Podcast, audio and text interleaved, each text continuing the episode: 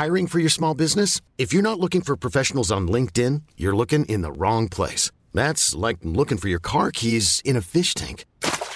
LinkedIn helps you hire professionals you can't find anywhere else, even those who aren't actively searching for a new job but might be open to the perfect role. In a given month, over 70% of LinkedIn users don't even visit other leading job sites. So start looking in the right place. With LinkedIn, you can hire professionals like a professional. Post your free job on linkedin.com slash achieve today. Hey, it's Ryan Reynolds, and I'm here with Keith, co-star of my upcoming film, If, only in theaters May 17th. Do you want to tell people the big news? All right, I'll do it. Sign up now and you'll get unlimited for $15 a month in six months of Paramount Plus Essential Plan on us. Mintmobile.com slash switch. Upfront payment of $45 equivalent to $15 per month. Unlimited over 40 gigabytes per month. Face lower speeds. Videos at 480p. Active Mint customers by 531.24 get six months of Paramount Plus Essential Plan. Auto renews after six months. Offer ends May 31st, 2024. Separate Paramount Plus registration required. Terms and conditions apply if rated PG. Quality sleep is essential. That's why the Sleep Number Smart Bed is designed for your ever evolving sleep needs. Need a bed that's firmer or softer on either side? Helps you sleep at a comfortable temperature? Sleep Number Smart Beds let you individualize your comfort so you sleep better together. JD Power ranks Sleep Number number 1 in customer satisfaction with mattresses purchased in-store. And now, save 50% on the Sleep Number limited edition Smart Bed for a limited time. For JD Power 2023 award information, visit jdpower.com/awards. Only at a Sleep Number store or sleepnumber.com. Vi är denna vecka sponsrade av Indie Beauty. Och Sofie, det här tycker jag är extra fint och extra roligt. Ja men Indie Beauty är ju ett skönhetsvarumärke som jag tror att väldigt många känner till, men det jag älskar mest det är att Indie Beauty liksom vill vara mer än bara produkter, vilket de ju också är. Exakt. Indie Beauty står ju för Independent Beauty, skönhet på dina villkor och för din egen skull. Och Indie Beauty tror ju stenhårt på ett alternativt skönhetsideal fritt från måsten, skam och känslor av otillräcklighet. Där är jag helt med Indie Beauty. Jag med. Det är så jag vill att skönhet ska vara. Ja men verkligen. Och vet du vad som är nytt för i år Sofie? Berätta. Från och med i år så skänker Indie Beauty 1% av sin försäljning till Suicide Zero, Tjejzonen och Djurens Rätt. Så när man handlar produkter från Indie Beauty så kan man liksom känna att man också ger tillbaka till samhället. Ja, kraften i tillsammans. Ska jag säga en sak nu då, mm. som jag, det, men det är detta jag är extra glad över. Nu har Indie Beauty tagit fram en keps och den tycker jag ändå så, på sommaren, skydda sig från solen. Jättebra, jag älskar kepsen. Men det bästa, de bidrar till Suicide Zeros viktiga arbete för att minska antalet självmord och självmordsförsök. Så, för varje såld keps så går hela vinsten, 100 kronor, direkt till Suicide Zero. Då kan man liksom göra nytta både för samhället och sin hud på en och samma gång. Ja, och kepsen kostar 169 men alltså hela vinsten går då som sagt till Suicide Zero. Mm. Så om man vill göra skillnad när man är där ute i solen, nu när den börjar titta fram, då ska man välja den här kepsen. Den säljs exklusivt på indiebeauty.se och på Apotea. Tillsammans kan vi skapa en ljusare framtid. Vi ses med kepsarna på. Tack Indie Beauty. Hej! Du lyssnar på Ångestpodden valspecial med mig, Ida Höckestrand. Och med mig, Sofie Hallberg. Vi har sedan 2015 drivit Ångestpodden och försökt i den mån vi kan opinionsbilda i frågorna som rör psykisk hälsa och ohälsa. Inför valet i september 2022 driver vi kampanjen Tre minuter i veckan med syfte att ändra skollagen. En skolkurator med ansvar för tusen elever har tre minuter i veckan åt varje elev. Det är inte hållbart. Vi vill att man i skollagen inför ett maxtak på hur många elever en skolkurator får ansvar över. Vårt förslag är 400 elever per skolkurator.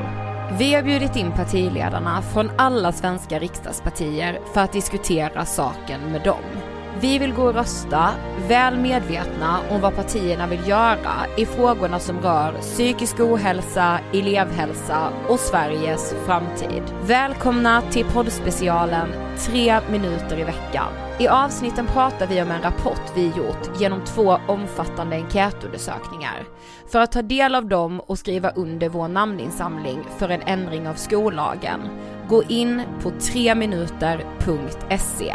Tredje partiledaren i Ångestpodden är Ebba Busch, partiledare för Kristdemokraterna. Kristdemokraterna vill införa en elevhälsogaranti och dessutom flytta ansvaret för elevhälsan till regionerna. Varför då?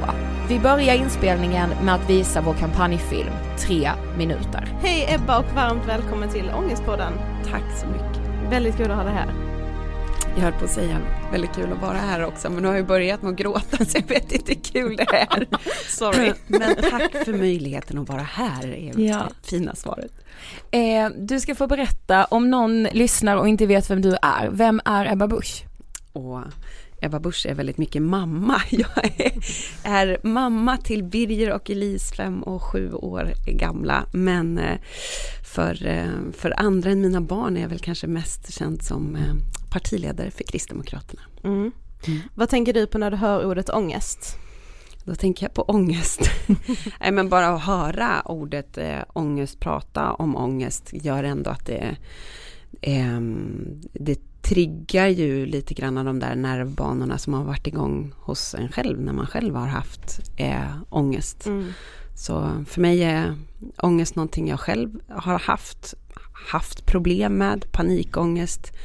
Eh, för mig är ångest någonting som ja, det är oro, det är rädsla, det är känslan utav vanmakt och eh, det är någonting som är så otroligt vanligt.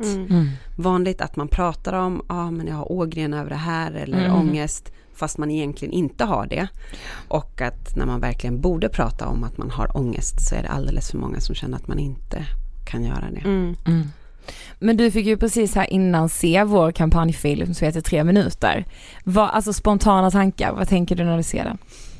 Ja, men, ja, uppenbarligen så reagerade jag själv känslomässigt på att se den. Ehm, och min reflektion, Han säger ju inte så mycket eh, i, eh, eh, i det här klippet, men eh, jag, det jag läser in är egentligen hur han går med det här. Eh, allting snurrar runt omkring, det är fullt med människor och ändå så är han så ensam. Eh, m- med sitt mående eh, och så ensam med det han går och bär på och slås ju av och jag tycker jag gör det jag är 35 nu. Jag tycker ju, ju, ju, ju fler år som jag har möjlighet att lägga till mitt liv eh, desto djupare blir insikten hos mig i alla fall att alla människor i alla sammanhang bär på saker som man inte vet om. Och hur tungt det är när man tvingas bära på det själv och hur fullkomligt avgörande det kan vara apropå det här med släck inte ljuset när någon kommer in och tänder lampan. Tänder ljuset om hopp, tänder ljuset ehm, och visar på möjligheten att så som du mår idag, så som du har det idag, det behöver inte alltid vara så här. Eh, och hur mycket det kan betyda. Det har betytt mycket för mig i tuffa perioder i mitt liv. Eh, men det har också betytt mycket att få lov att vara det hoppet, det ljuset för någon annan. Att bara, jag ser att du sitter inträngd i det här hörnet utav mörker och bara få lov att visa på en liten strimma utav ljus och en annan morgondag. Mm, fint. Men vi vill tacka dig och Kristdemokraterna för att ni är här och vill prata om psykisk ohälsa med oss. Vi tänkte börja i din uppväxt. Du är född och uppvuxen utanför Uppsala. Yes. Hur ser du tillbaka på din uppväxt? Men jag skulle säga, allt är ju relativt med min... mm, Och särskilt i de här tiderna man jämför med de barn man har mött nu också som har flytt krigets Ukraina. Eh, men jag ser på min egen uppväxt som, som fylld av väldigt mycket kärlek men ganska otrygg. Eh, och inte otrygg i den bemärkelse att jag var otrygg där jag, där jag bodde men ganska stor, eh, eh, stort mått av ekonomisk otrygghet och mycket som rörde sig i, i mitt liv en fantastisk mamma som alltid funnits där men som eh, själv gick igenom ganska tunga perioder, bland annat med sjukskrivning i två och ett halvt år, som har påverkat eh, henne mycket såklart, men också, också mig och min familj. Men mycket kärlek, eh, mycket stora och svåra diskussioner om livet. Man är uppvuxen i en familj där också eh, vi, eh, vi kristna troende familj, men som mm. alltid haft en pappa som verkligen så utmanat, ja men varför tror du på Gud? Ja men tror vi inte på Gud i vår familj när man är barn liksom? Ja. Eller, jo men gör du det liksom? Och utmanat ganska mycket och utmanat kring samhällsfrågor och ja, spänstiga diskussioner ja. kan man säga. men när väcktes då ditt engagemang liksom rent politiskt? Ja men det gjorde det egentligen ganska, alltså jag har alltid varit samhällsintresserad, pluggade en internationell utbildning på gymnasiet för att jag ja, men, nyfiken på världen, ville mm. jobba med biståndsfrågor och utvecklingsfrågor. Det var det jag pluggade sen på universitetet med freds och konfliktkunskap. Så där fanns väl liksom politiken via någon slags internationellt engagemang. Mm. Men, eh, om man nu kan kalla det för det. Men egentligen så är det min min, min mormor Gunhild mm. eh, som gjorde att hon fick ett väldigt, väldigt då, dåligt möte med äldreomsorgen. Och hon är anledningen till att jag bestämde mig i HVT heller. Det, det, det, kan inte vara meningen att det ska vara så här bara för att man har blivit gammal. Mm. Att man inte kan säga upp sina prenumerationer, att man inte blir tagen på allvar ens när man ringer Pensionsmyndigheten. Eh, och att man blir helt omyndigförklarad mm. den dagen man har behovet av hjälp från hemtjänsten. Och då bestämde jag mig för att jag ska engagera mig. Jag landade, long story short, jag ligger till, mer till höger i svensk politik. Jag tycker inte att politiker ska detaljstyra människors liv för mycket. Det är klart att ingen på vänsterkanten tycker att de gör det, men, men ur mitt perspektiv då. Mm. Um, men för mig är de sociala frågorna så extremt viktiga så att um, trots att jag hade en ganska negativ bild av KD och var orolig för var står man är. Står man verkligen bakom abortlagstiftningen till mm. exempel mm. och så behövde reda ut en del sådana frågor och landade i att okej, okay, ja, det gör man. Um, så bestämde jag mig för att engagera mig i just KD för att, ja men ett parti till höger med väldigt stort engagemang i de sociala frågorna. Mm. Och då blev det ju också då kommunpolitiken just som jag mm. engagerade mig i för att kunna vara med och påverka eh, äldreomsorgen. Mm. Ja, Men på tal om sociala frågor så vill vi ju fokusera framförallt på elevhälsan, skolan och ungas psykiska mående. Eh, hur funkade elevhälsan under tiden du gick i skolan? Usch. Nej men um, i grundskolan så var det, när jag hade det som tyngst så var det två lärare som, som fångade upp mig och som såg att och sa okej, okay, vi ser att det ser ut som att allt är bra, men det känns som att du bär ganska tungt hemma. Hur mår du egentligen? Mm. Um, och det, det utrymmet fanns inte med skolkurator eller, eller elevhälsan på gymnasiet för min del. Men sen är det ju också en, en förtroendefråga. Eh, och det är ju just därför det måste finnas tid om man ska kunna bygga förtroende. Mm. Eh, och att man vet att elevhälsan finns där, där och då när den behövs. Eh, sen var tillgängligheten större på den väldigt stora gymnasieskolan som jag gick på sen, stor kommunalskola. Men mm, jag kommer aldrig glömma när vi kom och flaggade för att vi hade en av våra vänner som hade drabbats av väldigt svåra ätstörningar. Ehm, och fick höra att ja, men, det måste hon själv be om hjälp för. Och vi sa vi sitter ju med henne varje måltid. Och nu har hon ju rasat på ett halvår. Hon mm. förtvinar ju bort nu liksom. Eh, och vi ser hur hon får också ganska grav ångest till följd utav det här. Och vi fick inte jag sa om ni inte vill gå in och försöka samtal med henne, kan ni inte alltså, fejka vad som helst, boka på att ni behöver ha samtal. Mm. Kan låtsas att ni har det med fler utav oss. Vi kan komma, men bara ni får någon ingång in till henne. Och om inte ni är beredda att göra det, vad, vad är våra verktyg? Kan ni hjälpa oss? För det var ju flera utav ja, mina vänner som började må dåligt av att hon mådde mm, så ja. dåligt och att man blir så vilsen i hur man ska stötta. Långt svar på frågan. eh, den var eh, undermålig då. Eh, och eh, min bild, och jag vet ju ifrån att ha jobbat med det här som liksom ansvarig alltså som politiker, som makthavare, att det har blivit ännu värre tyvärr. Och att det här är någonting som man väldigt lätt drar in på eh, i kommunerna. Mm. Ja, men för i skollagen så står det ju att varje elev ska ha tillgång till bland annat då skolkurator och skolsköterska. Eh, vad betyder tillgång till för Kristdemokraterna? Ja, men om man får bli väldigt politisk då. Jag tycker att så som elevhälsan fungerar idag, det är ett fullkomligt haveri. Ehm, och man kan inte ha en situation där vi får det materiellt sett bättre för varje år som går egentligen. Som land, eh, svenskarna som kollektiv har det mycket, mycket bättre nu än vad vi någonsin haft det. Samtidigt som vi har en fullkomlig liksom, epidemi utav psykisk ohälsa bland eh, våra barn och unga. Och så inte göra någonting åt det. För, för rent konkret, om vi ska utvärdera vår egen gameplan just nu, Sverige, för att tackla psykisk ohälsa. Vi har ingen. Nej. Det görs enskilda insatser men ingen, ingen generalplan. Ehm, så att vi har lagt ganska mycket mer pengar på BUP i våra skuggbudgetar. Det är ett första steg. Eh, men sen också att bestämma att det spelar ingen roll att vården idag styrs av 21 regioner. Vi vill ju lägga ner dem och ha en nationell styrning. Men fine, även om man har kvar dem, bestäm då vad det är för norm som ska gälla. Hur ska tillgängligheten vara? Och så får man inte ge sig förrän man är där.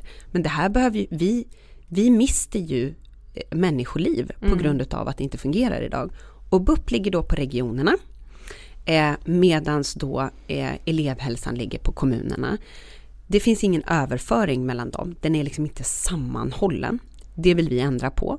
Så att även om eleverna går i skolan och skolan ligger på kommunen så tycker vi att elevhälsan ska ligga hos regionen så att liksom vårdinsatsen, hälsoinsatsen som helhet eh, ligger under en aktör. För då kan du inte spara på den ena eller andra sidan. Och för att svara på din väldigt specifika fråga. Vi tycker att man ska ha tillgång till elevhälsan varje dag. Det vill säga, det ska inte vara möjligt då att säga, ja men det är öppet fyra timmar på tisdagar, eh, udda veckor och i övrigt så ambulerar den här personalen runt på åtta andra skolor. Utan varje dag. För nu hamnar detta på lärarna, de hinner inte, de kan inte, de har inte den kompetensen.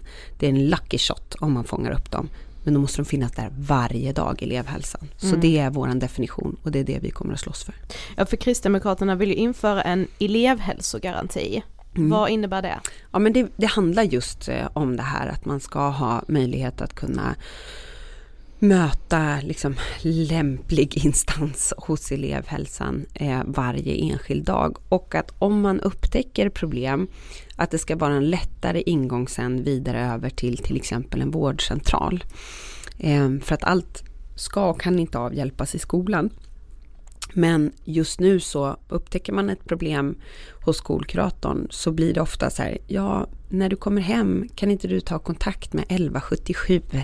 Eh, och så hamnar man i en ny kö hos vårdcentralen. Och vi vet att primärvården, alltså den nära vården, det som är vårdcentraler och annat, även där är väntetiderna ganska långa. Och vi har just nu vi har all time high i vårdkör i Sverige. 145 000 patienter som har väntat väldigt, väldigt länge. Liksom det där, eh, ja, det, det hänger ju ihop då. Har man väl orkat öppna upp sig för en skolkurator och så får man höra ja och sen höra av dig i det här snåriga systemet och så riskerar att hamna på vänt igen. Det, det funkar inte. Nej, det kan göra stor skillnad. Vi fick höra om en, en mamma som berättade för oss att på hennes dotterskola så kom skolkuratorn om någon ville. Ja, bara, hon kan komma hit om någon vill. Jag tror inte någon elev räcker upp handen och säger ja, jag vill det då. Nej men och det är det, äh, äh, återigen apropå den här, den här filmen, någon vuxen som bara, ja, som första steget frågar hur det är, så, och då måste det finnas någon där som gör det, som gör det aktivt och sen läser av vad det är för svar man får. Och som vågar fråga igen då, men är det verkligen bra? Och det är okej att det inte är bra. Kan vi prata om att det kanske inte är så himla happy-go-lucky. Eh, men då måste, de- då måste de ju finnas där. Och jag har haft mycket kontakt under våren här med är några föräldrar som har sökt eh, hjälp ifrån just då BUP.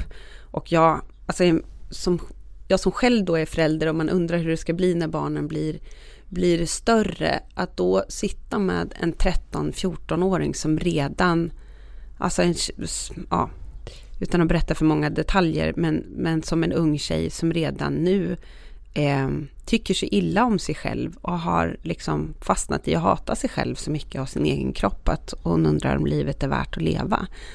Och så klarar man av att fånga upp det som förälder, förstå hur illa det är, söker hjälp och så får man höra om ett halvår kan ni komma. Eh, alltså för en del, som den här ena mamman, hon känner ju att de har fått en dödsdom liksom. Mm. Och är på väg att bli väldigt, väldigt desperata. Mm. Och så sitter man där och har liksom inte verktygen för att kunna hjälpa sitt eget barn. Eh, och då, vi är, vi jag ska säga, vi, vi är ett fantastiskt välfärdsland på så många sätt och jämfört med andra länder har vi en, en sjukvård i absolut världsklass. Men är svår att få tag på alltså. Eh, och det, ja, mm. uppenbarligen är det ett problem. Mm. Men du nämnde det att eh, KD tycker att uppdraget då för till exempel elevhälsan ska ligga på regionerna. Mm. Eh, varför då liksom vad innebär det? Ja, men det har ju att göra med att problemet är när, när man, ofta när man delar på ansvar eh, och det är pengar involverat så blir det ju ibland ingens ansvar. Och som i det här fallet då så kan kommunerna spara in på elevhälsan och tänka att men det där det är väl renodlad sjukvård. Mm. Det är väl ändå regionernas ansvar. Eh, som kommun har vi ansvar för, för skolan, för bildning och utbildning. Eh, så att behöver de ha hjälp på något vis och de mår dåligt, de här eh, stackars barnen, då får de höra av sig till vårdcentralen. Mm. Eh, och nu raljerar jag lite grann, men det är faktiskt, jag har själv varit kommunpolitiker i nio år innan jag blev sån här rikspolitiker och det är precis så det låter. Mm. Um, och det är, det, det är så man undrar ibland. Jag tror att alla tycker, alla som hör hur det funkar tycker att det är helt hål i huvudet. Mm. Och, och, och, tycker, men vadå, det här borde ju inte vara någon politisk liksom, fråga från höger till vänster egentligen. Men det är en fråga om det, om det politiska ledarskapet. Orkar man sno runt det här ganska krångliga systemet eller inte? För jag tror att alla åtta partier i Sveriges riksdag tycker att det här är jätteviktigt. Eh, alla vill ha en utbyggd elevhälsa. Jo, men har ni prioriterat det i budgeten? Mm. Och, och är ni beredda att göra liksom organisationsförändringen som gör att man inte då kan spara in på ena sidan och vältra över ansvaret på den andra. För det är det som händer nu. Och det är därför eleverna hamnar i kläm emellan och därför vill vi då att regionen ska ha ansvaret för om regionen då inte har satsat tillräckligt mycket på elevhälsan, ja då kommer ju också regionen få ta kostnaden när problemet har blivit mycket, mycket värre. Mm. Och så är det bara krast. Money talks. Här pratar vi om människor utav kött och blod, men pengar styr här. Ehm, och det har också politiskt inte kostat tillräckligt mycket att strunta i de här frågorna. Vi har liksom inte skrikit tillräckligt högt helt enkelt. Nej. Men vi har gjort två enkäter här under våren inför den här kampanjen som vi nu driver. En för elever i grundskolan och gymnasiet och en för skolkuratorer. Och vi har också träffat både elever, skolkuratorer och föräldrar och lyssnat på vad de känner i de här frågorna liksom. Och alla svar och önskemål har vi sammanställt i en rapport som vi har döpt till tre minuter i veckan och detta efter att ha förstått enligt vår enkätstudie då att över 14 000 elever bara har tillgång till tre minuter i veckan med sin skolkurator. Mm. Eh, hur långt tror du man hinner på tre minuter? För övrigt den filmen du fick se var tre minuter och 35 sekunder så du förstår hur lång tid det är. Nej men man hinner ju etablera en första kontakt men du hinner ju inte, alltså de, det största problemet med många av de här frågorna som vi pratar om det är ju att du ska orka öppna upp dig. Eh, och ta dig dit, att du, att du vågar göra det. Och många, det finns ju många anledningar till att människor inte gör det. Men en har ju att göra med att man är, man är rädd att bli liksom ehm, eh, refuserad. Mm. Eh, I brist på bättre, smidigare ord. Eh, ja men att man, man öppnar upp sig och så blir man sårad igen. Eh, för att, och misstrodd och liksom, ja. Ja, eller att man känner att man är någon som ska liksom bockas av. Någon sitter och räknar minuterna när man kanske för, för första gången berättar om det där som hände förra fredagen lite för sent efter att man hade prövat lite alkohol och gick med på någonting eller inte gick med på någonting. Eh, då måste, då måste tiden finnas. Eh, då måste tiden finnas där. Mm. Eller, och, och det är därför man kan, en, en, första kontakt kanske man har kort tid på sig, men vi vet ju från all annan forskning hur vi jobbar på BVC, hur vi jobbar på mödravårdscentralen, hur vi har jobbat för att fånga upp kvinnor som är utsatta för våld eller förtryck i hemmet. Ställ frågor och säg att du ställer samma frågor, alla frågor till alla personer. Men det är ju då man ja, får personen själv att också tänka och du får tiden som gör att du hinner fånga upp. Mm. Mm.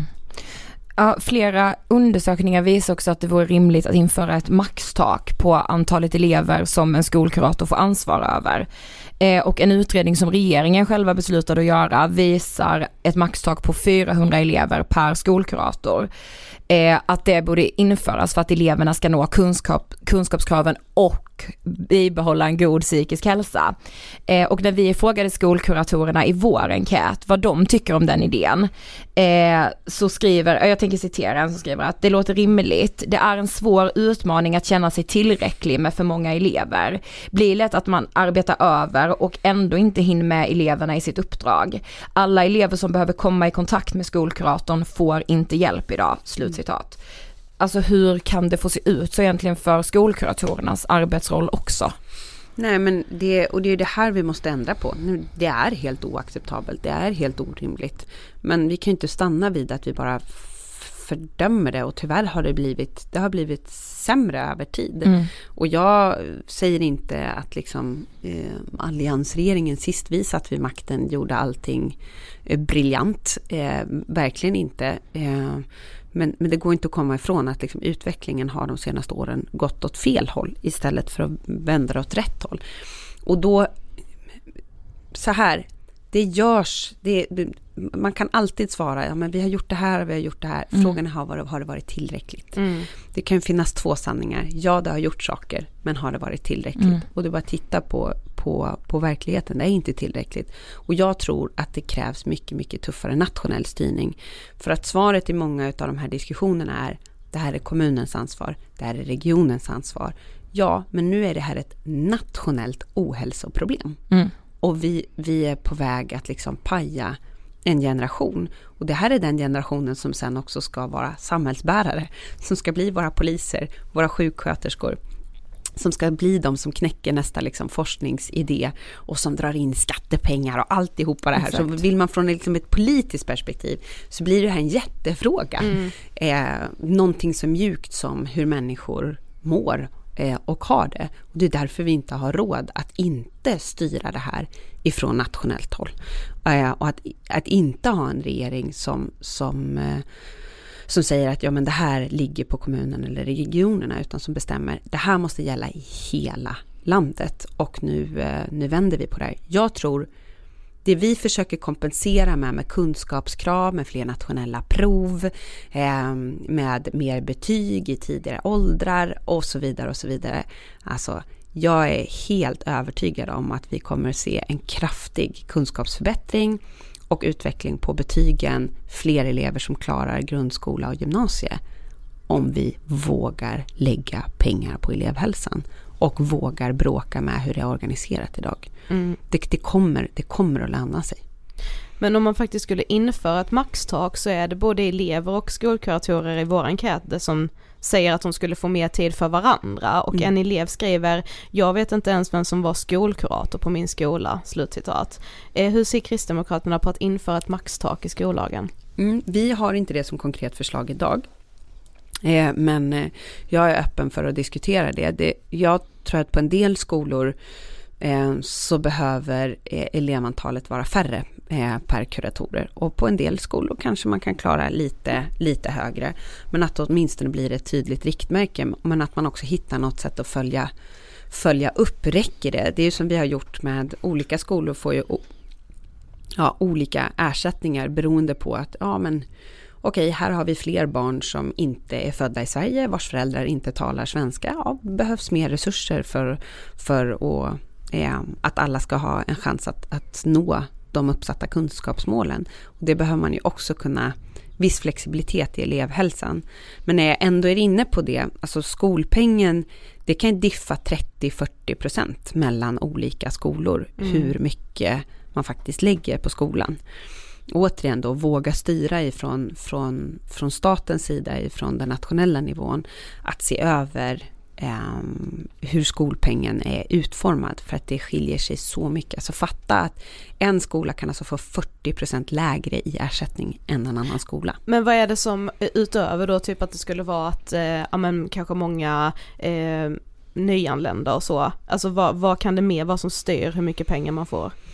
Eh, en skola? Ja. Nej men det kan ju också bara vara att kommunen har bestämt sig för att prioritera andra, andra saker och så får man inte ihop det och så tänker man att eh, ja, men det, det går att trolla här. Det, vi, vi skär lite grann i elevhälsan, eh, vi skär lite grann i inköp utav nytt studiematerial, vi gör klasserna lite större mm. och så vidare. Mm. Ehm, Eh, och, och, som då gör att i och med att vi har ett kommunalt självstyre där kommunerna kan bestämma väldigt mycket själva egentligen så kan det se väldigt olika ut mm. Eh, hur mycket man lägger på skolorna. Um, och jag tycker generellt sett att vi, vi följer upp våra skolor alldeles för dåligt. Alltså vi, vi har en del skolor där eh, väldigt stor andel av de som går i nionde klass eh, säger att de är otrygga varje dag. Ehm, eller flera gånger i veckan. Ehm, vi har eh, fyra utav tio som går i nionde klass säger att det är så stökigt i klassrummet att de inte kan lära sig det de ska. Eh, och ändå så liksom tillåts de här skolorna tuffa på på samma sätt. Ehm, och då tror jag, eh, är övertygad om med mer uppföljning så skulle man ju också märka av, alltså tydligare uppdrag till Skolinspektionen att följa upp skolorna med tydligare åtgärdsplaner. Jag är helt övertygad om att elevhälsan skulle ingå i de åtgärdspaketen. Mm. Mm. Känner att ni får väldigt långa svar. Ja, men det gillar vi. Mm. Vad bra. Eh, ni ska hojta annars jag kan jag också svara kortare. Ja men det är ju svåra frågor så att det krävs ju liksom att man diskuterar kring dem och att man faktiskt eh, ja men det, det finns inget lätt eller tydligt svar tänker jag. Eh, men, men säg att Kristdemokraterna sitter i regering i, i, efter valet nu i september. Kan vi räkna med att ni kommer genomföra ett maxtak eller att ni åtminstone kommer diskutera det? Ja, Mm. Ehm, jag kan inte lova här och nu, för jag tycker inte om att lova saker som jag inte kan hålla, att vi kommer att införa ett maxtak. Ehm, men i och med att vi ehm, ändå kommer vilja göra ganska stora förändringar i elevhälsan så är det rimligt att vi också då tittar på ett maxtak eller eh, ett riktmärke och hur det ska vara, vara utformat. Men framförallt också hur man då följer upp vad utfallet blir, om det verkligen funkar. Mm. Mm. Men en annan sak som också står i skollagen det är att elevhälsan och skolkuratorn främst ska jobba förebyggande. Alltså det är deras yttersta arbetsuppgift. Mm. Men nästan alla ja men i princip alla skolkuratorer som vi har pratat med under de här åren med Ångestpodden och nu i enkäterna säger att det enda de gör är att släcka bränder. Mm. De jobbar inget förebyggande överhuvudtaget. Alltså hur ska ni göra för att skolkuratorerna faktiskt ska få möjlighet att jobba förebyggande på arbetstid? Ja men det, det enda lösningen är att de blir många fler. Eh, och att de har färre elever som de ska klara av att möta. Annars så blir det bara det här ja, dela ut enkät, samla ihop enkät, påminna om enkät eh, och i de yngre liksom, åldrarna kolla längd, mm. vikt, ha något slags oklart samtal om BMI som vi också kan diskutera om ja. det fortfarande ska vara Nej, grundmått och så vidare. Eh, men ja, för i vår enkät svarar 50% av skolkuratorerna att de upplever att de inte har tid för alla elever som de vet behöver hjälp. Och 30% svarade att de känner att de har tid ibland. Så det är alltså endast 20% av de skolkuratorerna som tycker att de har tid för elever med behov och det känns ju helt alarmerande. Mm. Eh, Tänker du att man behöver liksom göra alltså rollen som skolkuratorer mer attraktiv eller hur ska folk vilja jobba som Det är verkligen fruktansvärda siffror uh, ni drar alltså. Mm. Ja. Ni kan få eh, rapporten. Ja ni ska få rapporten av oss. Men liksom hur, alltså hur ska man få tid för alla elever? Alltså hur ska det öka? Hur ska man vilja jobba som skolkurator när situationen ser ut så här? Nej men vi vet att det, det, är så många yrken där man lätt pratar om att ja, men, det är ingångslönen eller det är löneutveckling mm. bla bla bla. Och eh, det finns många yrken där liksom, man absolut behöver se över löneutveckling i väldigt många branscher, väldigt många yrken, inte minst inom vården. Man har inte sökt sig dit för att bli liksom mångmiljardär. Eh, så.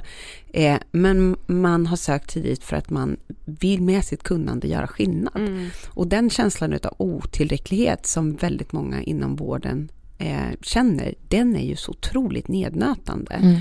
Och det är det som ibland kallas för liksom etisk stress och som en av de här skolkuratorerna som du citerade mm. tidigare mm. ger uttryck för. Att gå hem och veta med sig, jag har, miss, jag har, jag har missat en elev eller mm. två idag. Och hur har han eller hon det nu här ikväll? Eh, och veta att man inte har räckt till. Det, det är ganska nedbrytande. Mm. Så det tror jag är en väldigt viktig nyckel i att kunna öka attraktiviteten. Att man vet att man har utrymme att göra skillnad. Att man vet att man har utrymme att hjälpa. Mm. Mm. Om du får välja en åtgärd för att öka den psykiska hälsan bland barn och unga, vad skulle det vara då? Nu har vi snurrat mycket runt elevhälsan, så om jag, jag väljer väl kanske att backa bandet lite grann då och att faktiskt eh, prata lite mer om föräldraansvaret. Ehm, jag tycker att det är ganska tufft att vara förälder. Jag vet att det är många som tycker att det är svårt att vara mamma eller pappa. Det kommer inte med någon manual. Alla barn är olika. Mm. Ehm, man själv kan gå igenom svåra saker och så ska man liksom klara av att förstå den här lilla individen som sen också är på väg att bli stor och ska frigöra sig och som blir tonåring med allt vad det eh, innebär. Jag skulle önska att vi alltså från politikens sida ändå vågade vågade markera lite tydligare att ni behövs. Vi kan bygga ut skolan, vi kan bygga ut förskolan, eh, vi kan bygga ut elevhälsan, vilket vi helt uppenbarligen behöver göra. Men ni måste finnas där. Eh, och det handlar inte om att vara en perfekt förälder, men det handlar om att så många barn och unga där känner inte att deras mammor och pappor har tid för dem. Att att vi då som föräldrar är, är för upptagna med våra jobb, tar med jobbet för mycket hem, är för mycket i våra telefoner, i våra egna sociala medier, eh, att vi själva pratar om att vi är tjocka, fula, inte räcker till, jämför oss med andra, för över det på våra barn, inte äter mat tillsammans med våra barn, inte frågar vad de är, tänker att ah, men det här går inte att styra eller jag vet inte hur jag ska parera det där, eller jag kommer bara göra fel var där, var där, var där. Mm. Um, och det är ju ingen, det är ju liksom ingen politisk åtgärd, men jag tror att politiken faktiskt kan göra mycket för att bilda opinion. Kära föräldrar, ni behövs. Var där. Eh, och se till att era barn vet att även om de skulle, ja men för att tala klarspråk, fucka ur på riktigt någon gång, att ni kommer att vara där. För att det finns ingen annan del i samhället som kan ersätta en mamma eller pappa som finns där med den där kravlösa kärleken men också med kärleksfulla krav. Eh, och när familjen brister och det finns dysfunktionella eh, familjer och föräldrar som är direkt olämpliga och så vidare. Eh, då, då måste det finnas utrymme. Då måste vi ha tid att liksom möta. Men ehm, eh, men fram tills dess så tror jag politiken behöver markera att mammor och pappor måste ta sitt ansvar, orka vara där. Och så här, det, det, är svårt, vi vill ha föräldrastödsprogram i alla kommuner. Det finns inte. Eh, det är bara att titta på som nu under de här kravallerna som var under påsken. Då mötte jag mammor som, som berättade att Nej, men jag klarade inte av, ena mamman, hon hade två pojkar som hade gett sig ut mitt under pågående kravaller. Hon klarade inte av att hålla dem hemma. Och hon hade hört av sig till socialtjänsten och skulle vi mötte henne i samband med ett sånt här möte. Eh, då hon sa, jag behöver hjälp, jag vet inte hur jag ska nå mina killar, hur ska jag klara av att sätta de här gränserna. Eh, men, men då skulle vi vilja se sådana föräldrastödsprogram i alla kommuner och det, fin det finns inte ens. Så, mm. och eh, Lättare att vara föräldraledig även med större barn. För det kan också göra jättestor skillnad. Vi pratar så mycket om de här småbarnsåren och visst, de är viktiga. Men när man är på väg liksom snett när man är 12-13 år, eh, att då kanske kunna ta tjänstledigt. Det är inte alla föräldrar som kommer kunna det, återigen, men de som kan, låt oss möjliggöra för dem då. Mm. Eller att vara föräldraledig några dagar. Det kan vara det som den där strimman utav hopp, det som ger lite andrum i familjen, att hinna bara fånga upp, okej låt oss göra en plan. Kan vi bara andas en vecka? Mm. Eh, så kanske man kan lätta på trycket lite grann. Och det är ett konkret politiskt förslag som vi driver. Att faktiskt möjliggöra både tjänstledighet men också betald föräldraledighet högre upp i åldrarna. Mm. Och vi ska avsluta med några snabbfrågor. Där ja. vi vill att du ska liksom du ska bara, du får antingen ja eller nej eller bara ett alternativ. tvärt emot vad jag har gjort hittills under hela ja. podden. ja precis, nu är det snabba svar. Okej, vi kör första. Eh, öppna era hjärtan eller stäng gränserna. det här är ju så politiskt sprängstoff, sällan har väl en line blivit så älskad och hatad. Eh, men jag, jag tror ju att det går att göra så att säga både och, men det är klart att eh, det är klart att man är mer öppna, öppna era hjärtan. Det betyder inte laglöst land, det betyder inte att vi inte ska ha koll på vem som kommer hit eller hur många. Eh, men, men världen behöver ju mer utav det, inte mindre. Mm. Friskolor, ja eller nej? Ja.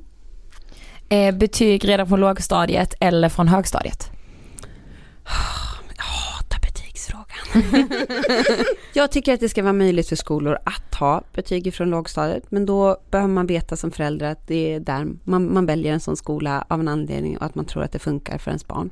Mm. Men det viktigaste är, alltså du behöver kunna saker i livet. Eh, det viktigaste är stödstrukturen runt omkring. Jag tror att man behöver veta var man ligger. Eh, och, och man behöver inte vara rädd för betyg, man behöver inte få ångest över eh, att betygen ska komma.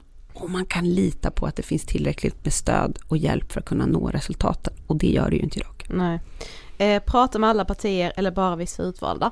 Ja, men prata med alla, sen behöver man inte göra uppgörelser med alla. Men jag menar, vi skramlade loss ganska mycket mer till, många fler miljarder till äldreomsorgen, avskaffa delade turer i äldreomsorgen ehm, eh, och få loss mer personal för att vi pratade både med Sverigedemokraterna och Vänsterpartiet. Ja, det är en udda, det är en udda, udda mix. Vi kommer inte bilda regering ihop, men vi gjorde en bra grej. Eh, och därför Eh, därför tror vi på att prata med alla och vi var först ut med att säga det. Vi fick dödshot och all möjlig skit för det, men eh, jag har tyckt att det har fallit ut eh, bra. Eh, fri abort till och med vecka 18. Ja, och sen är den ju behovsprövad enligt eh, så som svensk abortlagstiftning ser ut eh, nu och den kommer vi att värna. Vi är det enda partiet faktiskt som när vi har haft ansvaret har utvidgat aborträtten, trodde eller ej. Men vi möjliggjorde ju faktiskt för utländska kvinnor eh, att komma till Sverige och eh, få abort. Så att eh, alla de som är rädda för att vi ska inskränka den, well, syna vad vi faktiskt har gjort. Vi är det enda partiet som har utökat den. Tycker Kristdemokraterna det ska vara olagligt att marknadsföra retuscherade bilder? Åh, oh, nej, det gör vi inte. Men eh, det, här, det, det, korta svaret är nej. Men eh, jag tar gärna en längre diskussion om, om det här. Nej, men vi lever ju i en för, förvrängd värld eh, mm. nu. Vi får ju ett helt... Eh, och i Norge har de, är det ju till exempel olagligt. Jag vet, jag mm. vet. Och jag har börjat, eh, börjat kika på det där. Men mm. Eh, nej, vi har inte, jag har inte hunnit landa ur den frågan. Och just nu är svaret nej. Mm. Elgalan eller Vänsterpartiets valvaka? Ah, men faktiskt Vänsterpartiets valvaka. Alltså min bild är att, min bild är att eh, Vänsterpartiet har ganska kul på sina fester. Ja. Eh, så, eh, och, eh, men jag går gärna på Elgalan såklart. Men eh, det bygger mm. på att jag är inbjuden så att säga. Vem blir statsminister i september 2022 så vi vet vem vi ska lämna över den här rapporten till som vi har gjort i kampanjen? Ja, nej men jag kommer ju jobba ganska hårt för att det blir Ulf Kristersson och eh, vill han inte eller kan han inte så, så eh, ställer jag upp. Men eh, då måste folk rösta väldigt mycket mer. Men då tror jag också att vi kan få ordning på, på vården i Sverige. Var man bor någonstans, vem man är här, var man kommer ifrån ska inte avgöra om man tar sig igenom tonårstiden eller inte. Men då behöver man bestämma sig för att vården blir en prioriterad fråga.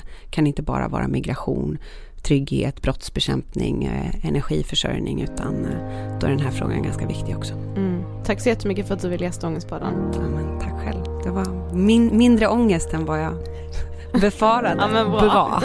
tack.